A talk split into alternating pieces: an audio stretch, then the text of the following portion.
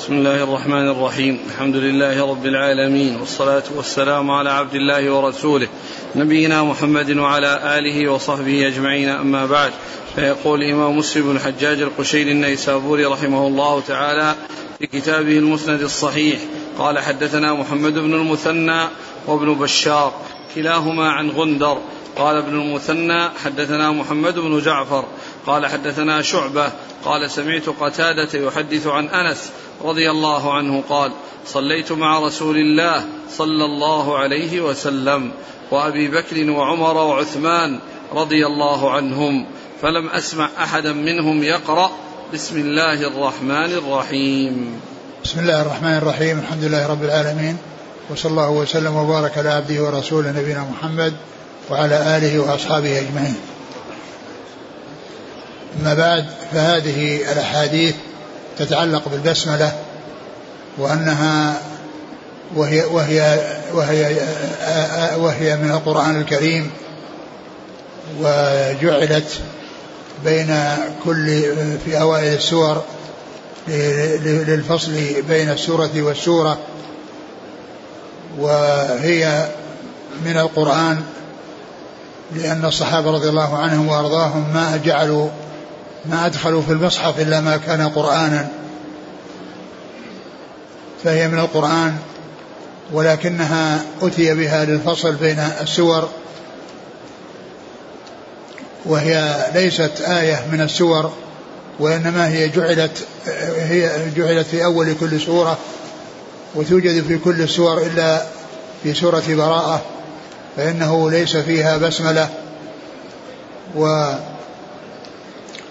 وقد مر بنا قريبا الحديث الذي فيه قسمت الصلاة بيني وبين عبدي نصفين وفيه أن قراءة أن أن الفاتحة ليس من آياتها البسملة لأنه لما قال قسمته بين بين عبدي وبين بيني وبين عبدي نصفين فإذا قال الحمد لله رب العالمين ما قال فإذا قال بسم الله الرحمن الرحيم حصل كذا وكذا وإنما ذكر أولها الحمد لله رب العالمين وقد مر بنا الحديث في هذا وهو دال على أن البسملة هي من القرآن ولكنها ليست من من السور ليست من السورة لا من سورة الفاتحة ولا من غيرها. ف وهنا ذكر هذا الحديث الذي عن أنس رضي الله عنه وهو أن النبي صلى الله عليه وسلم وأبا بكر بكر وعمر وعثمان رضي الله عنهم كانوا يفتتحون القراءة بالحمد لله رب العالمين. كانوا يفتتحون القراءة بالحمد لله رب العالمين. يعني ما يفتتحونها ببسم الله الرحمن الرحيم. ولا يعني ذلك أنهم يعني يعني لا يقرؤونها وإنما يقرؤونها سرا لأنه قال فلم أسمع أسمعهم يقولون بسم الله الرحمن الرحيم. ولا يعني ذلك أنهم لا يأتون بها سرا وإنما لا يأتون بها جهرا فهي يؤتى بها ولكن يؤتى بها سرا. وقد جاء في هذا الحديث قال فلم أسمعهم يقولون بسم الله الرحمن الرحيم. لم يسمع رسول الله صلى الله عليه وسلم ولا أبا بكر ولا عمر ولا عثمان أنهم يقولون بسم الله الرحمن الرحيم عند القراءة أو عند البدء بالقراءة. وسيأتي الحديث الذي بعد هذا أنهم لا يأتون بها لا في أول القراءة ولا في آخرها. لأن لا يأتون بها في أول الفاتحة ولا يأتون بها في السور التي يقرأ بها بعد الفاتحة.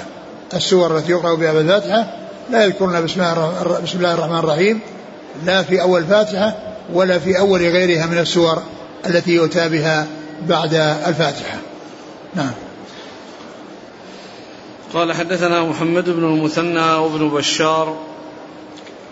محمد المثنى وابن بشار آه، يعني هذان الرجلان من شيوخ أصحاب الكتب الستة كما عرفنا وهما متلا وهما قرينان ومتفقان في أمور كثيرة ومات في سنة واحدة وهي سنة 52 و200 52 و200 أي قبل وفاة البخاري بأربع بأربع سنوات. عن, عن غندر. عن غندر وهو محمد بن جعفر ذكره هنا بكنيته بلقبه وباسمه. لأنه قال عن غندر ثم قال قال ابن المثنى حدثنا محمد بن جعفر. يعني نص على اسمه وقال حدثنا محمد بن جعفر. نعم. عن شعبة عن قتادة عن أنس. نعم. شعبة بن الحجاج وقتادة بن, دعامة السدوسي وأنس بن مالك رضي الله تعالى عنه. قال حدثنا محمد بن المثنى قال حدثنا أبو داود قال حدثنا شعبة في هذا الإسناد وزاد قال شعبة فقلت لقتادة أسمعته من أنس؟ قال نعم نحن سألناه عنه. ثم ذكر هذه الطريقة الأخرى وفيها تصريح قتادة بالسماع من أنس لأن قتادة مدلس ويعني وقد روى بالعنعنة في الطريقة الأولى ولكنه في هذه الطريقة الثانية أنه سمع منه.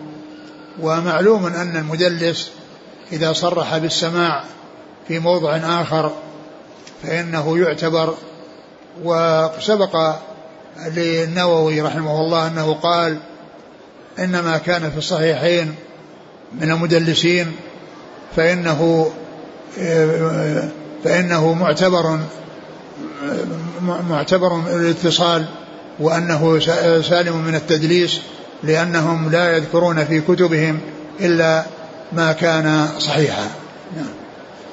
قال حدثنا محمد بن المثنى عن أبي داود وهو طيالسي سليمان بن داود طيالسي عن شعبة عن قتادة عن أنس نعم. قال حدثنا محمد بن مهران الرازي قال حدثنا الوليد بن مسلم قال حدثنا الأوزاعي عن عبدة أن عمر بن الخطاب رضي الله عنه كان يجهر بهؤلاء الكلمات يقول سبحانك اللهم وبحمدك تبارك اسمك وتعالى جدك ولا إله غيرك. وعن قتادة أنه كتب إليه يخبره عن أنس بن مالك رضي الله عنه أنه حدثه قال صليت خلف النبي صلى الله عليه وسلم وأبي بكر وعمر وعثمان رضي الله عنهم فكانوا يستفتحون بالحمد لله رب العالمين لا يذكرون بسم الله الرحمن الرحيم في أول قراءة ولا في آخرها. ثم ذكر هذا الحديث عن أنس وفيه أن الرسول صلى الله عليه وسلم وأبا بكر وعمر وعثمان كانوا يفتتحون القراءة يعني في الجهرية بالحمد لله رب العالمين. لا يذكرون بسم الله الرحمن الرحيم لا في أول قراءة ولا في آخرها. يعني معناه أنهم يعني لا يفتتحون الفاتحة ببسم الله الرحمن الرحيم بأن يقرؤوها جهرا وكذلك في آخر القراءة إذا قرأوا سورة يعني بعد الفاتحة فإنهم لا يجهرون ببسم الله الرحمن الرحيم. ولهذا قال لا في أول قراءة ولا في آخرها. لا في أول قراءة التي هي قراءة الفاتحة ولا في آخرها وهي قراءة السور التي تكون بعد تكون بعد الفاتحة. والحديث آه، هنا ذكر فيه هذا الأثر عن عمر رضي الله تعالى عنه الذي كان الذي هو في دعاء الاستفتاح سبحانك اللهم وبحمدك وتبارك اسمك وتعالى جدك ولا إله غيرك. وهو أثر منقطع لأن عبده بن أبي عبده بن أبي لبابة لم يسمع من عمر. والحديث ما سيق من أجل الحديث وإنما سيق من أجل الجمله الحديث الثاني. الحديث الثاني الذي هو مرفوع إلى الرسول صلى الله عليه وسلم. وإنما ذكر مسلم رحمه الله هذا الأثر لأنه هكذا سمعه عندما عندما يعني رواه يعني من هذا الطريق كان معه ذكر هذا الأثر فلم يكن آه، الحديث يعني مرويا بدون هذا الأثر وإنما جاء بالأثر وبالحديث فهو من أجل ذلك محافظة على الألفاظ ومحافظة على السماع وعلى آه، روايته على الهيئة التي وصلت إليه وقد وصلت إليه بهذه الطريق. ولم وهذا الأثر يعني كما هو معلوم فيه انقطاع وهو من أدعية الاستفتاح وهو ثابت عن رسول الله عليه الصلاة والسلام. ولم يكن مجيئه من هذه الطريق وحدها وإنما جاء من طرق أخرى صحيحة ثابتة عن رسول الله صلى الله عليه وسلم. فيعني يدل على أن يعني ما هذا هذا الأثر الذي جاء عن عمر رضي الله عنه أنه هو ثابت عن رسول الله صلوات الله وسلامه وبركاته عليه. ولكنه ما ذكر إلا تبعا وإنما الأصل هو الحديث الثاني الحديث الثاني المرفوع إلى الرسول صلى الله عليه وسلم وهو حديث أنس الذي فيه ما في الرواية الأولى وفيها زيادة أنهم يعني لا يذكرون بسم الله الرحمن الرحيم لا في أول القراءة ولا في آخرها. ولا يعني ذلك أنهم لا يأتون بالبسملة بل يأتون بها سرا. يعني في الصلوات الجهرية يأتون بها سرا. آه. قال حدثنا محمد بن محمد بن مهران الرازي عن الوليد بن مسلم عن الأوزاعي. عبد الرحمن بن عمرو الأوزاعي. عن عبده عن أبي لبابة. عن عمر. نعم. قال وعن قتادة نعم. عن أنس. عن قتادة عن أنس. قال وعن قتادة أنه كتب إليه يخبره عن أنس بن مالك قال صليت خلف النبي صلى الله عليه وسلم وأبي بكر وعمر وعثمان نعم. قال حدثنا محمد بن مهران قال حدثنا الوليد بن مسلم عن الأوزاعي قال أخبرني إسحاق بن عبد الله بن أبي طلحة أنه سمع أنس بن مالك رضي الله عنه يذكر ذلك. نعم. قال حدثنا محمد بن مهران عن الوليد بن مسلم عن الأوزاعي عن إسحاق بن عبد الله بن أبي طلحة. نعم. عن أنس. نعم. قال رحمه الله تعالى حدثنا علي بن حجر السعدي قال حدثنا علي بن مسهر بن مسهر. قال أخبرنا المختار بن فلفل عن أنس بن مالك رضي الله عنه. ها قال حدثنا أبو بكر بن أبي شيبة واللفظ له. قال حدثنا علي بن مسهر عن المختار عن أنس رضي الله عنه قال بين رسول الله صلى الله عليه وسلم ذات يوم بين أظهرنا إذ أغفى إغفاءه ثم رفع رأسه متبسما. فقلنا ما أضحكك يا رسول الله؟ قال أنزلت علي آنفا سورة فقرأ بسم الله الرحمن الرحيم. إنا أعطيناك الكوثر فصل لربك وانحر إن شانئك هو الأبتر. ثم قال أتدرون ما الكوثر؟ فقلنا الله ورسوله أعلم. قال فإنه نهر وعدنيه ربي عز وجل عليه خير كثير. هو حوض ترد عليه أمتي يوم القيامة. آنيته عدد النجوم. يختلج العبد منهم فأقول ربي إنه من أمتي. فيقول ما تدري ما أحدثت بعدك. زاد ابن حجر في حديثه بين أظهرنا في المسجد وقال ما أحدث بعدك. ثم ذكر هذا الحديث الذي فيه ذكر بسم الله الرحمن الرحيم في أول سورة إن أعطيناك الكوثر. وأن النبي صلى الله عليه وسلم أغفى إغفاءه وأنه يعني قام مبتسما فسألوه عن ذلك فقال إنه أنزلت عليه سورة ثم قرأ بسم الله الرحمن الرحيم إن أعطيناك الكوثر فصل لربك وانحر إن شانئك هو الأبتر. وهذا يدل على أن بسم الله الرحمن الرحيم أنها من القرآن. يدل على أنها من من القرآن. ولكن الحديث الذي سبق أن جاء في سورة الفاتحة حيث قال قسمت الصلاة بين عبدي بيني وبين عبدي قسمين نصفين. وقال فإذا قال الحمد لله رب العالمين ولم يذكر قبلها بسم الله الرحمن الرحيم دل على أنها يؤتى بها قبل السورة وأنها يعني ليست من السورة بأن الإنسان لو لم يأتي بها يقال إنه قرأ الفاتحة. فلو لم يأتي ببسم الله الرحمن الرحيم أو سقطت عنده في القراءة بسم الله الرحمن الرحيم أن ذلك لا يؤثر. لا يؤثر عليه ولكن عليه أن يأتي بها يعني إن كان سرية الصلاة سرية يأتي بها سرا وإن كانت جهرية يأتي بها أيضا سرا ولا يجهر بها كما مر في حديث أنس أن أن أن الرسول الله صلى الله عليه وسلم وأبو بكر وعمر وعثمان كانوا يعني لا يذكرون بسم الله الرحمن الرحيم في أول القراءة ولا في آخرها. نعم. ثم قال أتدرون ما الكوثر؟ فقال نهر في الجنة قال نهر. نهر وعدنيه ربي عز وجل والحديث الذي سيأتي بعده يعني نهر و... نهر في الجنة وعدنيه ربي. يعني أنه, أنه نهر من أهل الجنة وأنه وعده الله عز وجل به.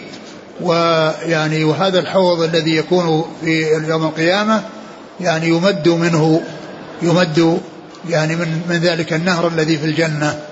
يمد من ذلك النهر الذي في الجنة والحوض يكون قبل الميزان وقبل الصراط ولكنه يعني يمد من الجنة وقد جاء في ذلك حديث يعني أنه يشخب فيه ميزابان من الجنة يشخب فيه ميزابان والحديث عند الإمام مسلم رحمه الله في يعني في برقم 5989 شوف 5989 حديث أبي ذر.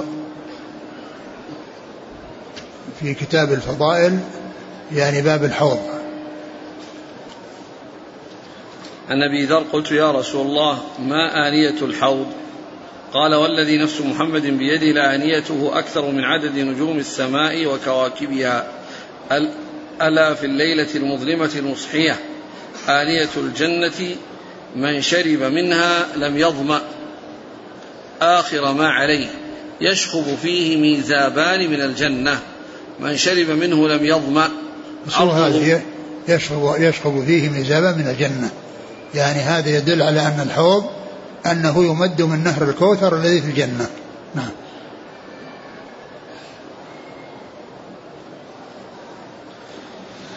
قال تدرون ما الكوثر؟ فقلنا الله ورسوله أعلم. قال فإنه نهر وعدنيه ربي عز وجل. عليه خير كثير. هو حوض ترد عليه أمتي يوم القيامة. آنيته عدد النجوم فيختلج العبد منهم فأقول ربي إنه من أمتي فيقول ما تدري ما أحدثت بعدك. زاد ابن حجر في حديثه بين أظهرنا في المسجد وقال ما أحدث بعدك. يعني أنه يذاد عنه أناس يعني من أمته فيعني يعني يقول إنه من أمتي فيقال إنك لا تدري ما أحدث بعدك. يعني وهذا قد جاء في بعض الأحاديث أنه أصحابي والمقصود من ذلك من ارتد من الصحابة وكانوا قلة قليلة ومنهم من رجع إلى الإسلام ومنهم من قتل على الردة. والمقصود من هذا الذين يذادون من كان مرتدا وقتل على الردة لأن الرسول صلى الله عليه وسلم كان يعرفهم وقال أصحابي فقيل أنك لا تدري ما أحدثوا بعدك أو لا تدري ما أحدث بعدك فدل هذا على دل هذا على أن أن أن هؤلاء الذين يذادون ممن كان يعرفهم الرسول صلى الله عليه وسلم إذا كان من أصحابه أو أنه من من أمته الذين كان يعرفهم بالغرة والتحجيل ويقال ويقال له في ذلك إنك لا تدري ما أحدثوا بعدك أو لا تدري ما أحدث بعدك. نعم.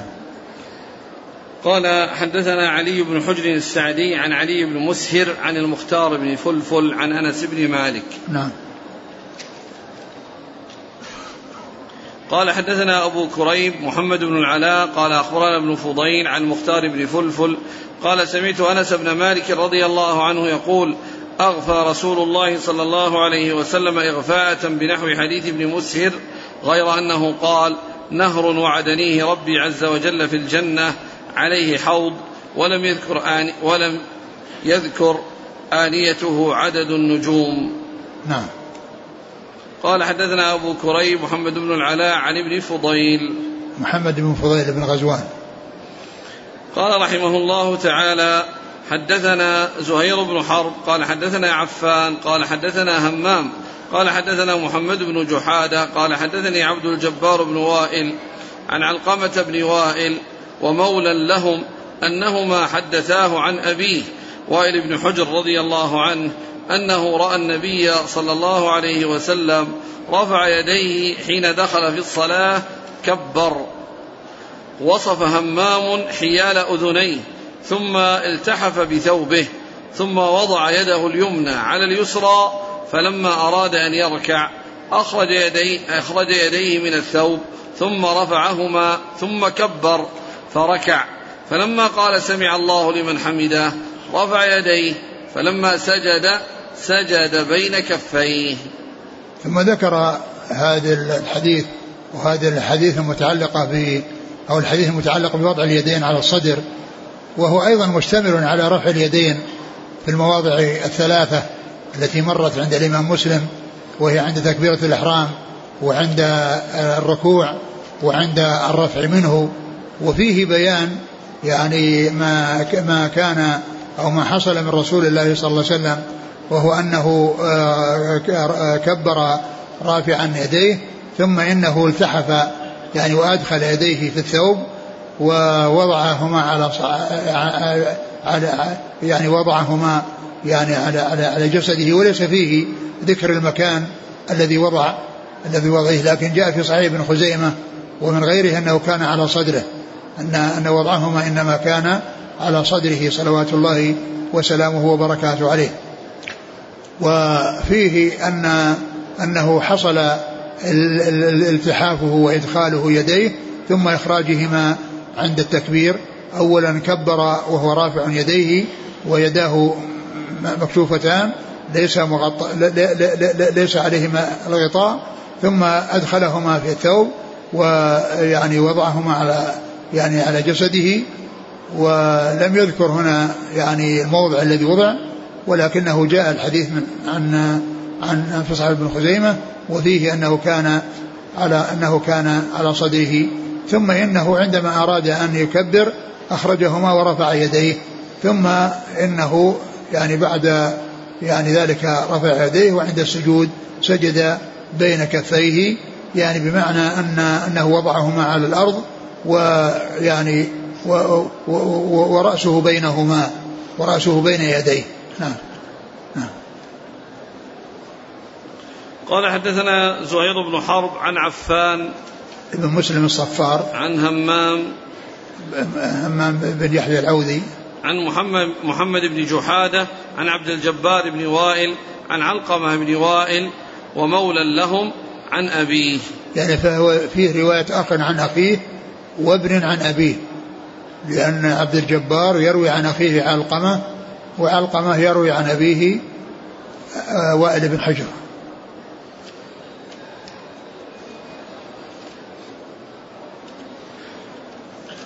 قال رحمه الله تعالى حدثنا زهير بن حرب وعثمان بن أبي شيبة وإسحاق بن إبراهيم قال إسحاق النووي رحمه الله لما بوب لهذا الحديث ذكر التبويب على ما هو معروف عند الشافعية يعني يقول يعني على صدره وأنه فوق سرته وعلى صدره والحديث ليس فيه. تحت صدره فوق سرته. نعم تحت صدره فوق سرته. والحديث ليس فيه ذكر الصدر ولا ذكر السرة وإنما فيه ذكر أنه وضعهما يعني ولم يذكر مكانهما ضعهما على جسده ولم يذكر مكانهما. ولكن التنصيص على أنه على الصدر جاء في صحيح ابن خزيمة وغيره. نعم. قال رحمه الله تعالى حدثنا زهير بن حرب وعثمان بن أبي شيبة وإسحاق بن إبراهيم. قال إسحاق أخبرنا وقال الآخران حدثنا جرير عن منصور عن أبي وائل عن عبد الله رضي الله عنه قال كنا نقول في الصلاة خلف رسول الله صلى الله عليه وسلم السلام على الله السلام على فلان. فقال لنا رسول الله صلى الله عليه وسلم ذات يوم إن الله هو السلام. فإذا قعد أحدكم في الصلاة فليقل التحيات لله والصلوات والطيبات. السلام عليك أيها النبي ورحمة الله وبركاته. السلام علينا وعلى عباد الله الصالحين. فإذا قالها أصابت كل عبد عبد لله صالح في السماء والأرض. أشهد أن لا إله إلا الله وأشهد أن محمدا عبده ورسوله. ثم يتخير من المسألة ما شاء. ثم ذكر الأحاديث المتعلقة بالتشهد. الأحاديث المتعلقة بالتشهد. وقد جاء عن جماعة من الصحابة ولكن التشهد المعروف المشهور هو تشهد ابن مسعود هذا الذي قدمه المصنف. التشهد الذي عن عبد الله بن مسعود وهو بهذه الصيغة التي هي التحيات لله والصلوات والطيبات. السلام عليك أيها النبي ورحمة الله وبركاته. السلام علينا وعلى عباد الله الصالحين. أشهد أن لا إله إلا الله وأشهد أن محمدا عبده ورسوله. وذكر في أوله أنهم كانوا يقولون يعني آه، آه، السلام على السلام على الله من عباده السلام على جبريل وميكائيل السلام على فلان وفلان. فقال النبي صلى الله عليه وسلم لا تقولوا هكذا فإن الله هو السلام. ولكن قولوا التحيات لله والصلوات والطيبات إلى آخر إلى آخر التشهد. وهذا فيه يعني يدل على أن مثل هذا التعبير الذي هو السلام على الله أن هذا لا يصلح ولا يستقيم لأن السلام دعاء. والله عز وجل يدعى ولا يدعى له. الله تعالى يدعى ولا يدعى له. وغيره يدعى له ولا يدعى. وغير الله عز وجل يدعى له ولا يدعى. فالسلام على على على الرسول صلى الله عليه وسلم وعلى كل عبد صالح في السماء والأرض يعني يعني هذا دعاء دعاء لهم. دعاء لهم بالسلامة والرحمة والبركة. وأما الله عز وجل فإنه يدعى ولا يدعى له وغيره يدعى له ولا يدعى. غير الله عز وجل يدعى له ولا يدعى والله عز وجل هو الذي يدعى ولا يدعى له. فإن قول السلام على الله من عباده يعني هو بمثابة الدعاء له. والله عز وجل هو الذي منه السلام وهو الذي من أسمائه السلام فلا يستقيم ولا يصلح. ولهذا نبه النبي صلى الله عليه وسلم أنهم لا يفعلون هذا وإنما يقولون السلام التحيات لله والصلوات والطيبات. فذكر ما يتعلق بالله عز وجل وهو التحيات والتعظيمات لله عز وجل. ثم ذكر السلام على النبي صلى الله عليه وسلم وذكر السلام على كل عبد صالح في السماء والأرض.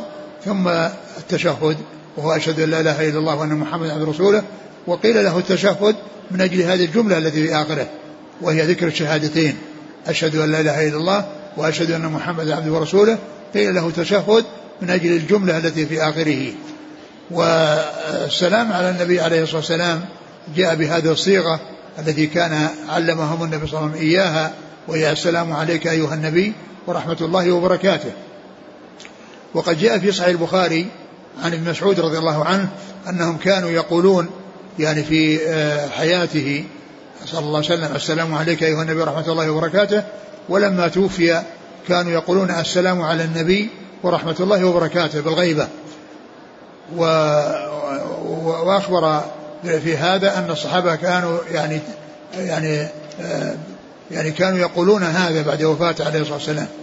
لكنه جاء أن عمر بن الخطاب رضي الله عنه لما كان يعلم الناس على المنبر وهو في موطأ الإمام مالك آه أنه كان يعلمهم على المنبر وفيه أنه يقول السلام عليك أيها النبي ورحمة الله وبركاته. وهذا في زمن خلافته. فدل ذلك على أن كل ذلك صحيح. وأن من قال السلام عليك أيها النبي ورحمة الله وبركاته يعني بعد وفاة الرسول صلى الله عليه وسلم فعمله صحيح لأن هذا هو الذي علم الناس إياه عمر وهو على المنبر وإن قال السلام على النبي ورحمة الله وبركاته كما جاء في صحيح البخاري عبد الله بن مسعود وأنهم يعني كانوا يقولون هذا بعد وفاته هذا صحيح وهذا صحيح. نعم. قال حدثنا زهير بن حرب وعثمان بن أبي شيبة وإسحاق بن إبراهيم قال إسحاق أخبرنا وقال آخران حدثنا جرير عن منصور. جرير بن عبد الحميد ومنصور آه، منصور بن آه، سليمان بن طرخان. نعم. منصور. منصور بن معتمر المعتمر بن ابن سليمان نعم. عن أبي وائل. وهو شقيق بن سلمة. عن عبد الله. عبد الله بن مسعود رضي الله تعالى عنه. قال حدثنا محمد بن المثنى وابن بشار. قال حدثنا محمد بن جعفر. قال حدثنا شعبة عن منصور بهذا الإسناد مثله ولم يذكر ثم يتخير من المسألة ما شاء. وهو الحديث في آخره في الطريق الأولى ثم يتخير من المسألة ما شاء يعني أنه يدعو بما يريد يدعو بما يريد من من الأدعية ويطلب من الله عز وجل ما يريد من خير الدنيا والآخرة. نعم. قال حدثنا عبد بن حميد قال حدثنا حسين الجعفي عن زائدة عن منصور بهذا الإسناد مثل حديثهما وذكر في الحديث ثم ليتخير بعد من المسألة ما شاء أو ما أحب. نعم. قال حدثنا عبد بن حميد عن حسين الجعفي. نعم حسين بن علي الجعفي. عن زائدة بن قدامة. عن منصور. قال حدثنا يحيى بن يحيى قال أخبرنا أبو معاوية عن الأعمش عن شقيق عن عبد الله بن مسعود رضي الله عنه قال كنا إذا جلسنا مع النبي صلى الله عليه وسلم في الصلاة بمثل حديث منصور وقال ثم يتخير بعد من الدعاء. نعم. قال حدثنا يحيى بن يحيى عن أبي معاوية محمد بن خازم الضرير الكوفي عن الأعمش سليمان بن مهران عن شقيق عن عبد الله بن مسعود. شقيق هو أبو وائل أحيانا يذكره باسمه وأحيانا يذكره بكنيته. نعم.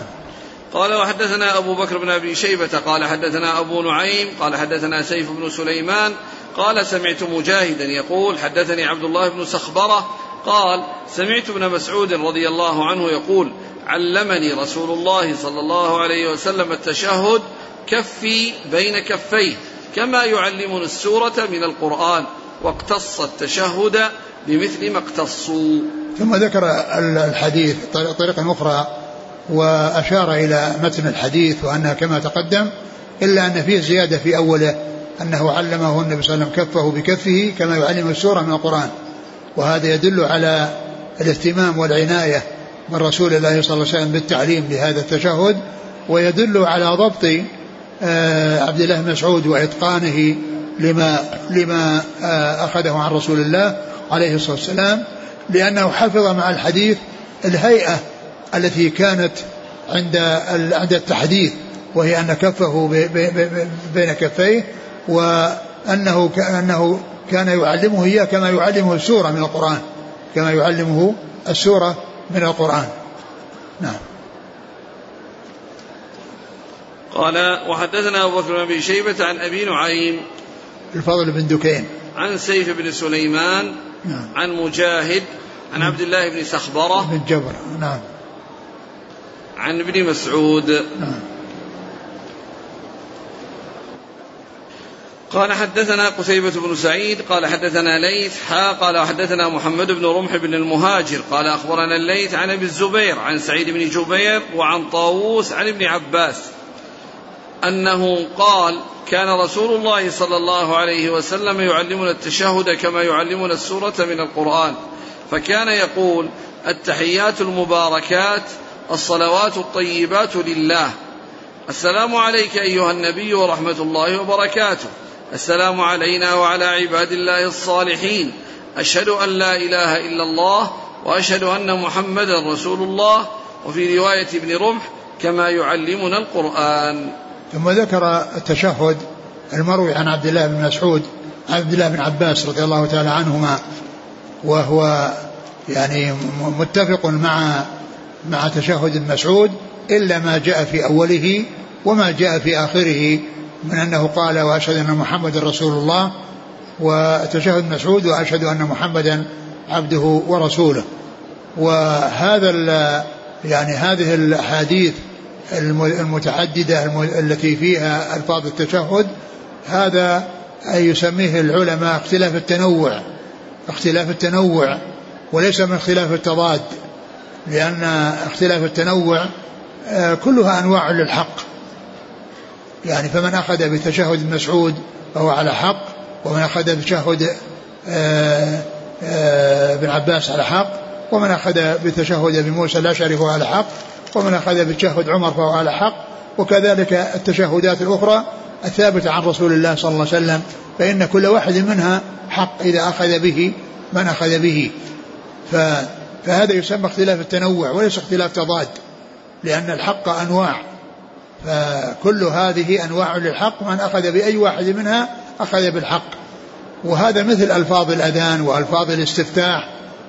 ألفاظ الاستفتاح الصلاة أول الصلاة وكذلك ألفاظ التشهد كما يعني آه كما هنا فإن هذه آه كلها الاختلاف فيها من قبيل اختلاف التنوع. نعم. قال حدثنا قتيبة بن سعيد عن ليث. ليث بن سعد. حا قال حدثنا محمد بن ربح المهاجر عن ليث عن أبي الزبير. محمد بن مسلم بن تدرس. عن سعيد بن جبير. نعم. وعن طاووس عن ابن عباس. طاووس بن كيسان. نعم. قال حدثنا أبو بكر بن أبي شيبة قال حدثنا يحيى بن آدم قال حدثنا يحيى قال حدثنا يحيى بن آدم قال حدثنا عبد الرحمن بن حميد. قال حدثني أبو الزبير عن طاووس عن ابن عباس رضي الله عنهما قال كان رسول الله صلى الله عليه وسلم يعلمنا التشهد كما يعلمنا السورة من القرآن. وهذا مثل الذي قبله. قال حدثنا أبو بكر بن أبي شيبة عن يحيى بن آدم عن عبد الرحمن بن حميد. نعم. عن أبي الزبير عن طاووس عن ابن عباس. نعم. قال حدثنا سعيد بن منصور وقتيبة بن سعيد وأبو كامل الجحدري ومحمد بن عبد الملك الأموي واللفظ لأبي كامل. قالوا حدثنا أبو عوانة عن قتادة عن يونس بن جبير عن حطان بن عبد الله الرقاشي قال صليت مع أبي موسى الأشعري صلاة فلما كان عند القعدة قال رجل من القوم أقرت الصلاة بالبر والزكاة. قال فلما قضى أبو موسى الصلاة وسلم انصرف فقال أيكم القائل كلمة كذا وكذا؟ قال فأرم القوم. ثم قال أيكم القائل كلمة كذا وكذا؟ فأرم القوم. فقال لعلك يا حطان قلتها. قال ما قلتها. ولقد رهبت أن, تبعك أن تبكعني بها. فقال رجل من القوم أنا قلتها ولم أرد بها إلا الخير. فقال أبو موسى أما تعلمون كيف تقولون في صلاتكم؟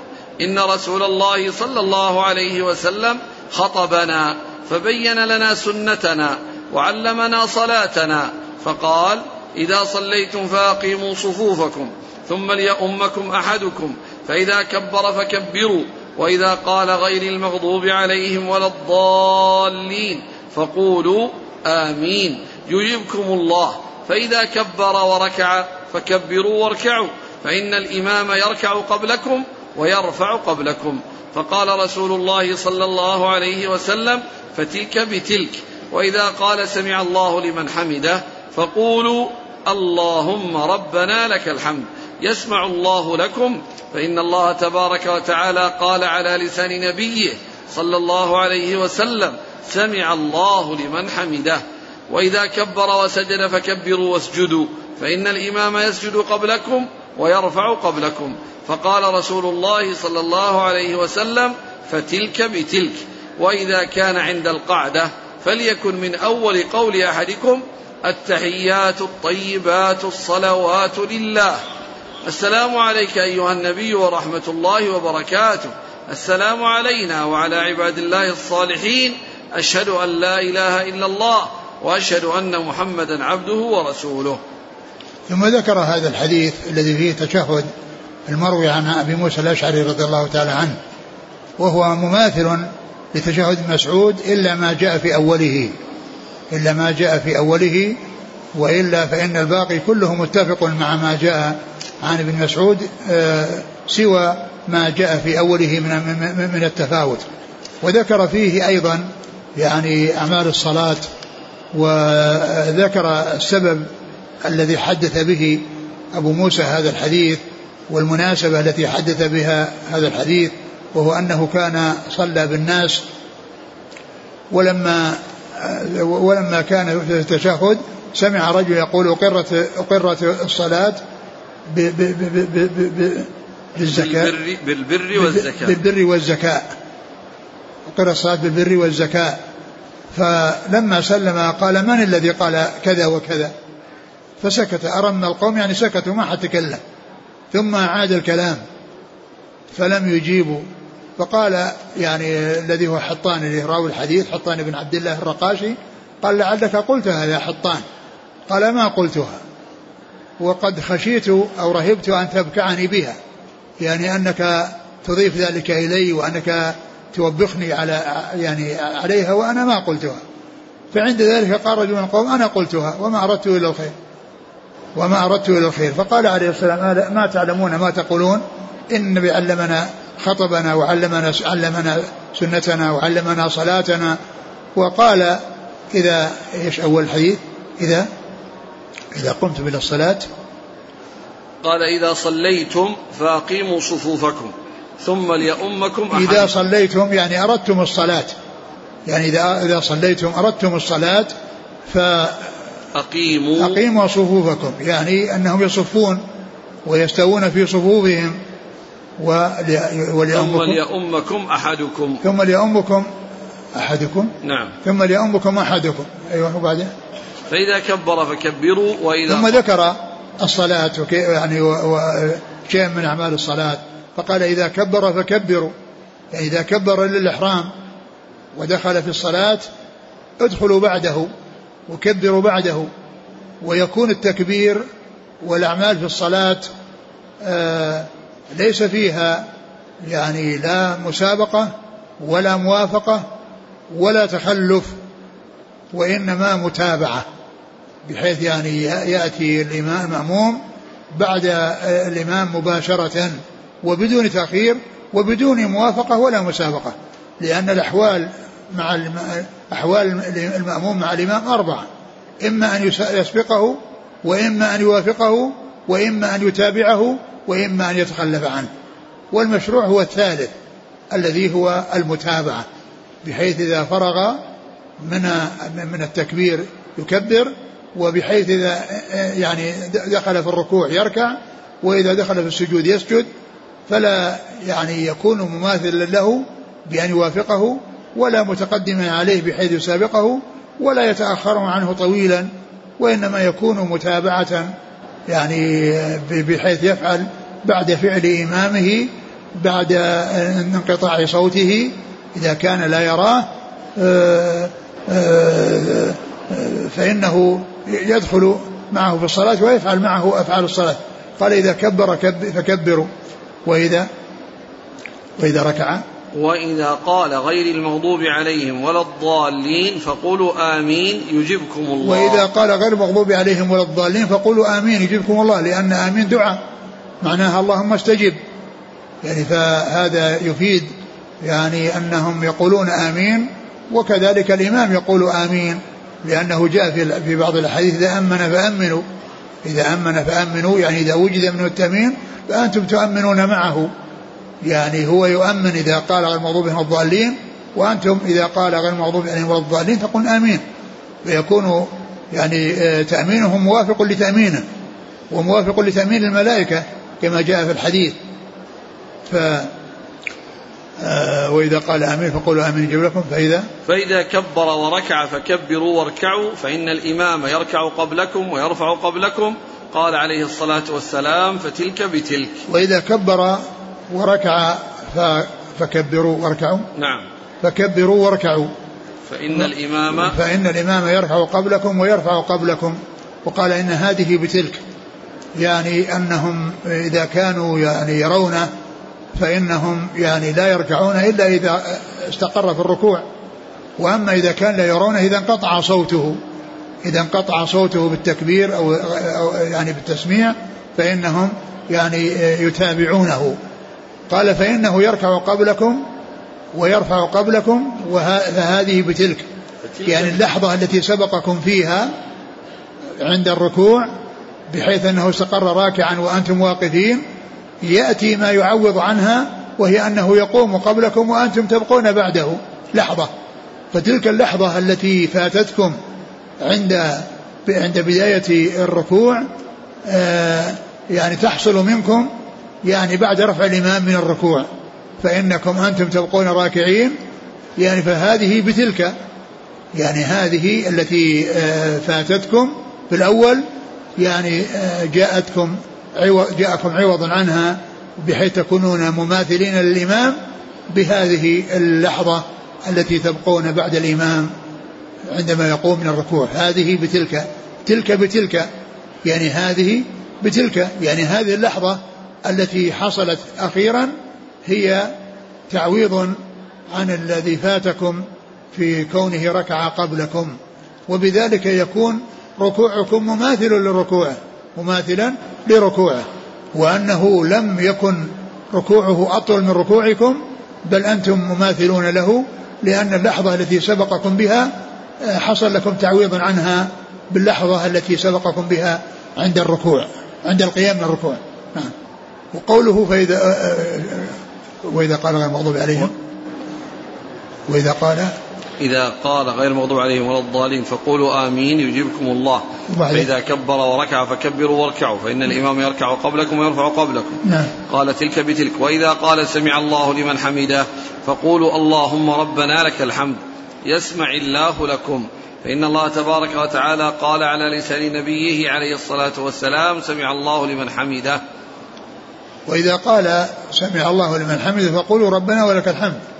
هذا يستدل به على أن المأموم لا يقول سمع الله لمن حمده وإنما يقول ربنا ولك الحمد لأن النبي صلى الله عليه وسلم علم الصلاة قال إذا كبر فكبروا وإذا قال سمع الله لمن حمده فقولوا ربنا ولك الحمد. ما قال وإذا قال سمع الله لمن حمده قولوا سمع الله لمن حمده. ما قال هذا وإنما قال إذا سمع قال سمع الله فقولوا سمع فقول ربنا ولك الحمد.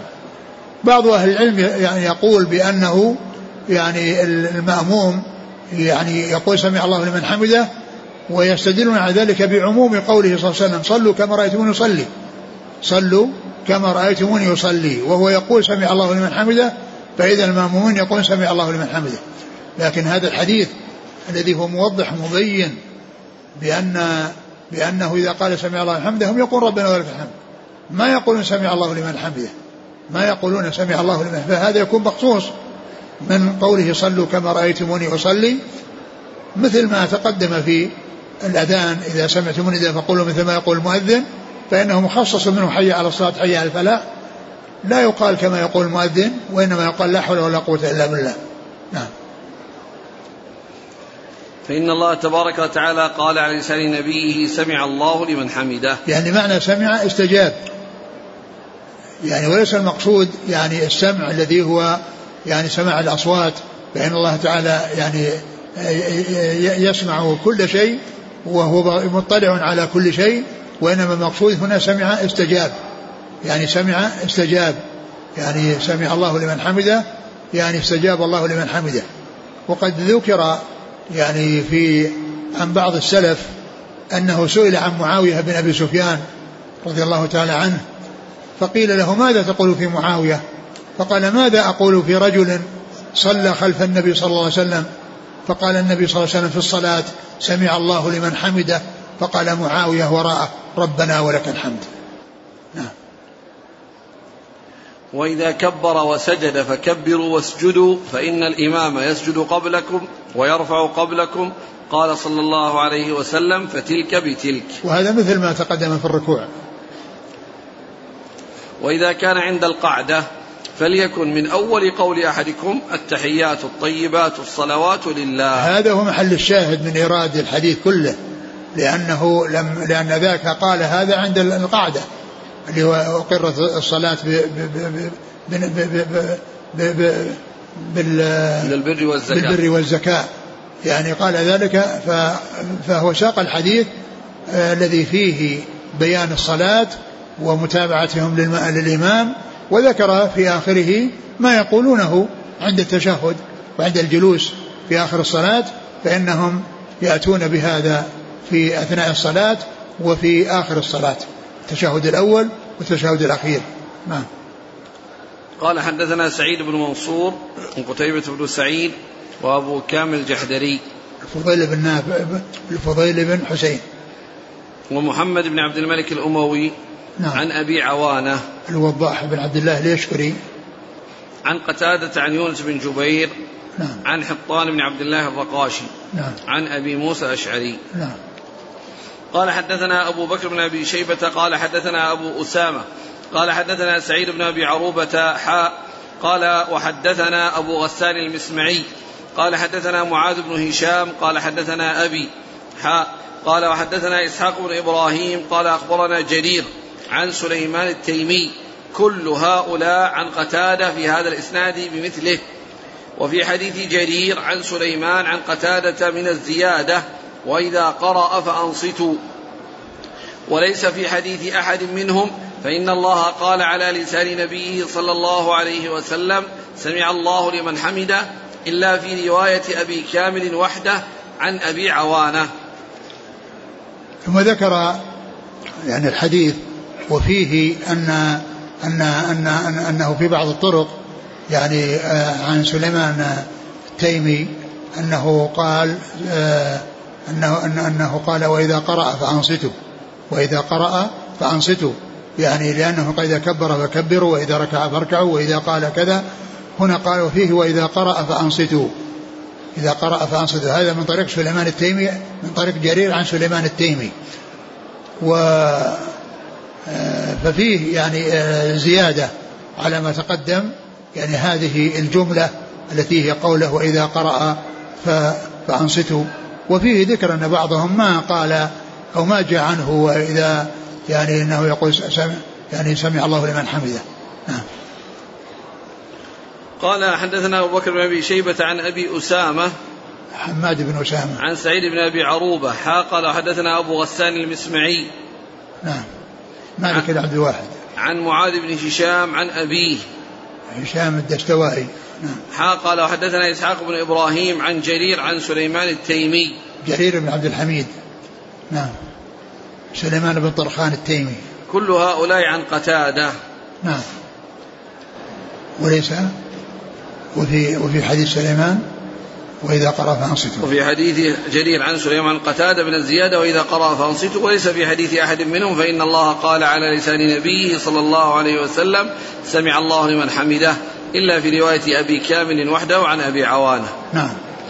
قال أبو إسحاق قال أبو بكر ابن أخت أبي النضر. في هذا الحديث فقال مسلم تريد أحفظ من سليمان؟ فقال له أبو بكر فحديث أبي هريرة فقال هو صحيح يعني وإذا قرأ فأنصتوا فقال هو عندي صحيح فقال لم لم تضعه ها هنا قال ليس كل شيء عندي صحيح وضعته ها هنا إنما وضعتها هنا ما أجمعوا عليه ثم ذكر هذا الكلام عن أبي إسحاق وأبو إسحاق هو الراوي عن مسلم يعني وهو إبراهيم بن آه، إبراهيم آه، ابن سفيان. إبراهيم بن سفيان وهو كنيته أبو إسحاق وله يعني أشياء يعني يزيدها ويأتي بها في مسلم ومنها هذا الموضع فإنه قال قال أبو قال قال يعني قال أبو إسحاق يعني اللي هو إبراهيم بن إبراهيم بن سفيان آه، أن أن أبا بكر بن ابن أخت أبي النضر. ابن نضر تكلم مع أنس مع المسلم رحمه الله في هذا الحديث يعني الذي هو من طريق سليمان التيمي ويعني ومعناه أنه يعني آه، نال منه. فقال هل تريد أحفظ من سليمان؟ هل تريد أحفظ من سليمان؟ يعني الذي روى هذا الحديث. يعني وهذا فيه ثناء الإمام مسلم على سليمان بن طرخان. هل تريد أحفظ من سليمان؟ قال قال قال مسلم تريد أحفظ من سليمان؟ فقال أبو بكر فحديث أبي هريرة. فقال أبو بكر فحديث أبي هريرة يعني الذي هو إذا قرأ فأنصتوا. وإذا قرأ فأنصتوا. يعني أنه كأنه نال من هذا الحديث الذي من طريق سليمان وذكر الحديث عن أبي هريرة الذي هو بمعنى أو بهذا اللفظ. قال وإذا قرأ فأنصتوا. قال هو عندي صحيح. قال لماذا لم تضعه ها هنا؟ قال ليس كل صحيح وضعته ها هنا. وهذا يدل على ما كان عليه الشيخان البخاري ومسلم وأنهما لم يلتزما الإخراج. إذا هذه الجملة وهي قوله وإذا قرأ فأنصتوا جاءت عند الإمام مسلم في حديث عبد الله بن حديث أبي موسى الأشعري رضي الله عنه من طريق جرير عن سليمان بن طرخان التيمي. وقد يعني نال منها أبو بكر ابن أختي ابن النضر وقال له مسلم أتريد أحفظ من سليمان؟ ثم ذكر حديث أبي هريرة الذي فيه إذا قرأ فأنصتوا وقال إنه صحيح. قال لماذا لم تضعه؟ قال ليس كل حديث صحيح وضعته ها هنا. وهذا يدل على أن الإمام مسلم رحمه الله ترك شيئا كثيرا من الحديث الصحيحة وأنه لم يلتزم إخراج كل حديث صحيح وكذلك البخاري. ولهذا قال ابن الصلاح لم يستوعب الصحيح ولا ولا التزم ذلك. لم يستوعب أي البخاري ومسلم الصحيح ولا التزم ذلك. ومما يدل على عدم استيعابهم وأنهما لم يلتزما ما تقدم من ذكر صحيفة همام بن منبه المشتملة على 140 حديثا وكلها بإسناد واحد ويفصل بين كل حديث وحديث بجملة وقال رسول الله صلى الله عليه وسلم كذا. فإن البخاري ومسلم انتقيا منها أحاديث وانفرد البخاري بأحاديث منها وانفرد مسلم بأحاديث منها. ولو كان التزم كل إخراج كل حديث صحيح لأتي بأحاديث صحيحة كلها لأن كلها بإسناد واحد. فلما كان يعني حصل منهم هذا الشيء وأنهم ذكروا متفقين بعضها ومنفرد منفرد البخاري بإخراج بعضها ومسلم بإخراج بعضها وترك يعني شيئا كثيرا من ذلك دل على أنهما لم يستوعبا الصحيح ولا أراد ذلك ولا التزم ذلك. ولهذا يعني فإن الاستدراك صاحب المستدرك الحاكم عليهما قال لم يخرجاه صحيح حديث صحيح ولم يخرجاه يعني هذا هذا هذا يعني هذا الذكر أو هذا الإلزام ليس بلازم لأنه ما التزم إخراج حديث كل حديث صحيح حتى حتى يستدرك عليهم. حتى يستدرك علي عليهما. نعم. إنما وضعت وكذلك أنا قلت أن هذه من الزيادات التي زادها الراوي عن مسلم الذي هو أبو إسحاق إبراهيم سفيان. ومن أذكر من الزيادات التي فيه أنه في حديث الدجال عندما ذكر نزوله قرب المدينة وأنه يخرج إليه يعني من يخرج وأنه يعني يأتي شاب وأنه يعني يعني يقول له أنت الدجال يخبرنا عنك الرسول فيقطعه قطعتين ويشقه نصفين ويمشي بينهما ثم بعد ذلك يعني يعود يعني يرجع يعود ثم لا يقدر عليه مرة أخرى.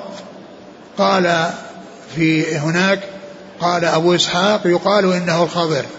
قال أبو إسحاق يقال إنه الخضر يعني هذا الرجل الذي حصل منه أو حصل من الدجال له ما حصل يقال إنه الخضر وهذا على ما يذكر ما ذكره بعض العلماء أن الخضر كان موجود وأنه حي وأنه لم يمت وهذا غير صحيح فإن الصحيح في الخضر أنه قد مات وأدلة موته متعددة منها أن الرسول صلى الله عليه وسلم لما بعثه الله وكان في بدر ويقول اللهم أن تهلك هذه العصابة لا تعبد. يعني إذا كان الخضر موجود فهو يعبد الله عز وجل في الأرض. لو كان الخضر موجود لو كان الخضر موجود فإنه يعبد الله. وكذلك الحديث الذي قال إنه لم يأتي لن يأتي مئة سنة وفيه نفس تطرف. يعني معناها أنه لا يمضي مئة سنة إلا وقد هلك من كان على ظهر الأرض. ولو كان الخضر موجودا في ذلك الوقت لهلك عند مضي مئة سنة كما أخبر بذلك رسول الله صلوات الله وسلامه وبركاته عليه.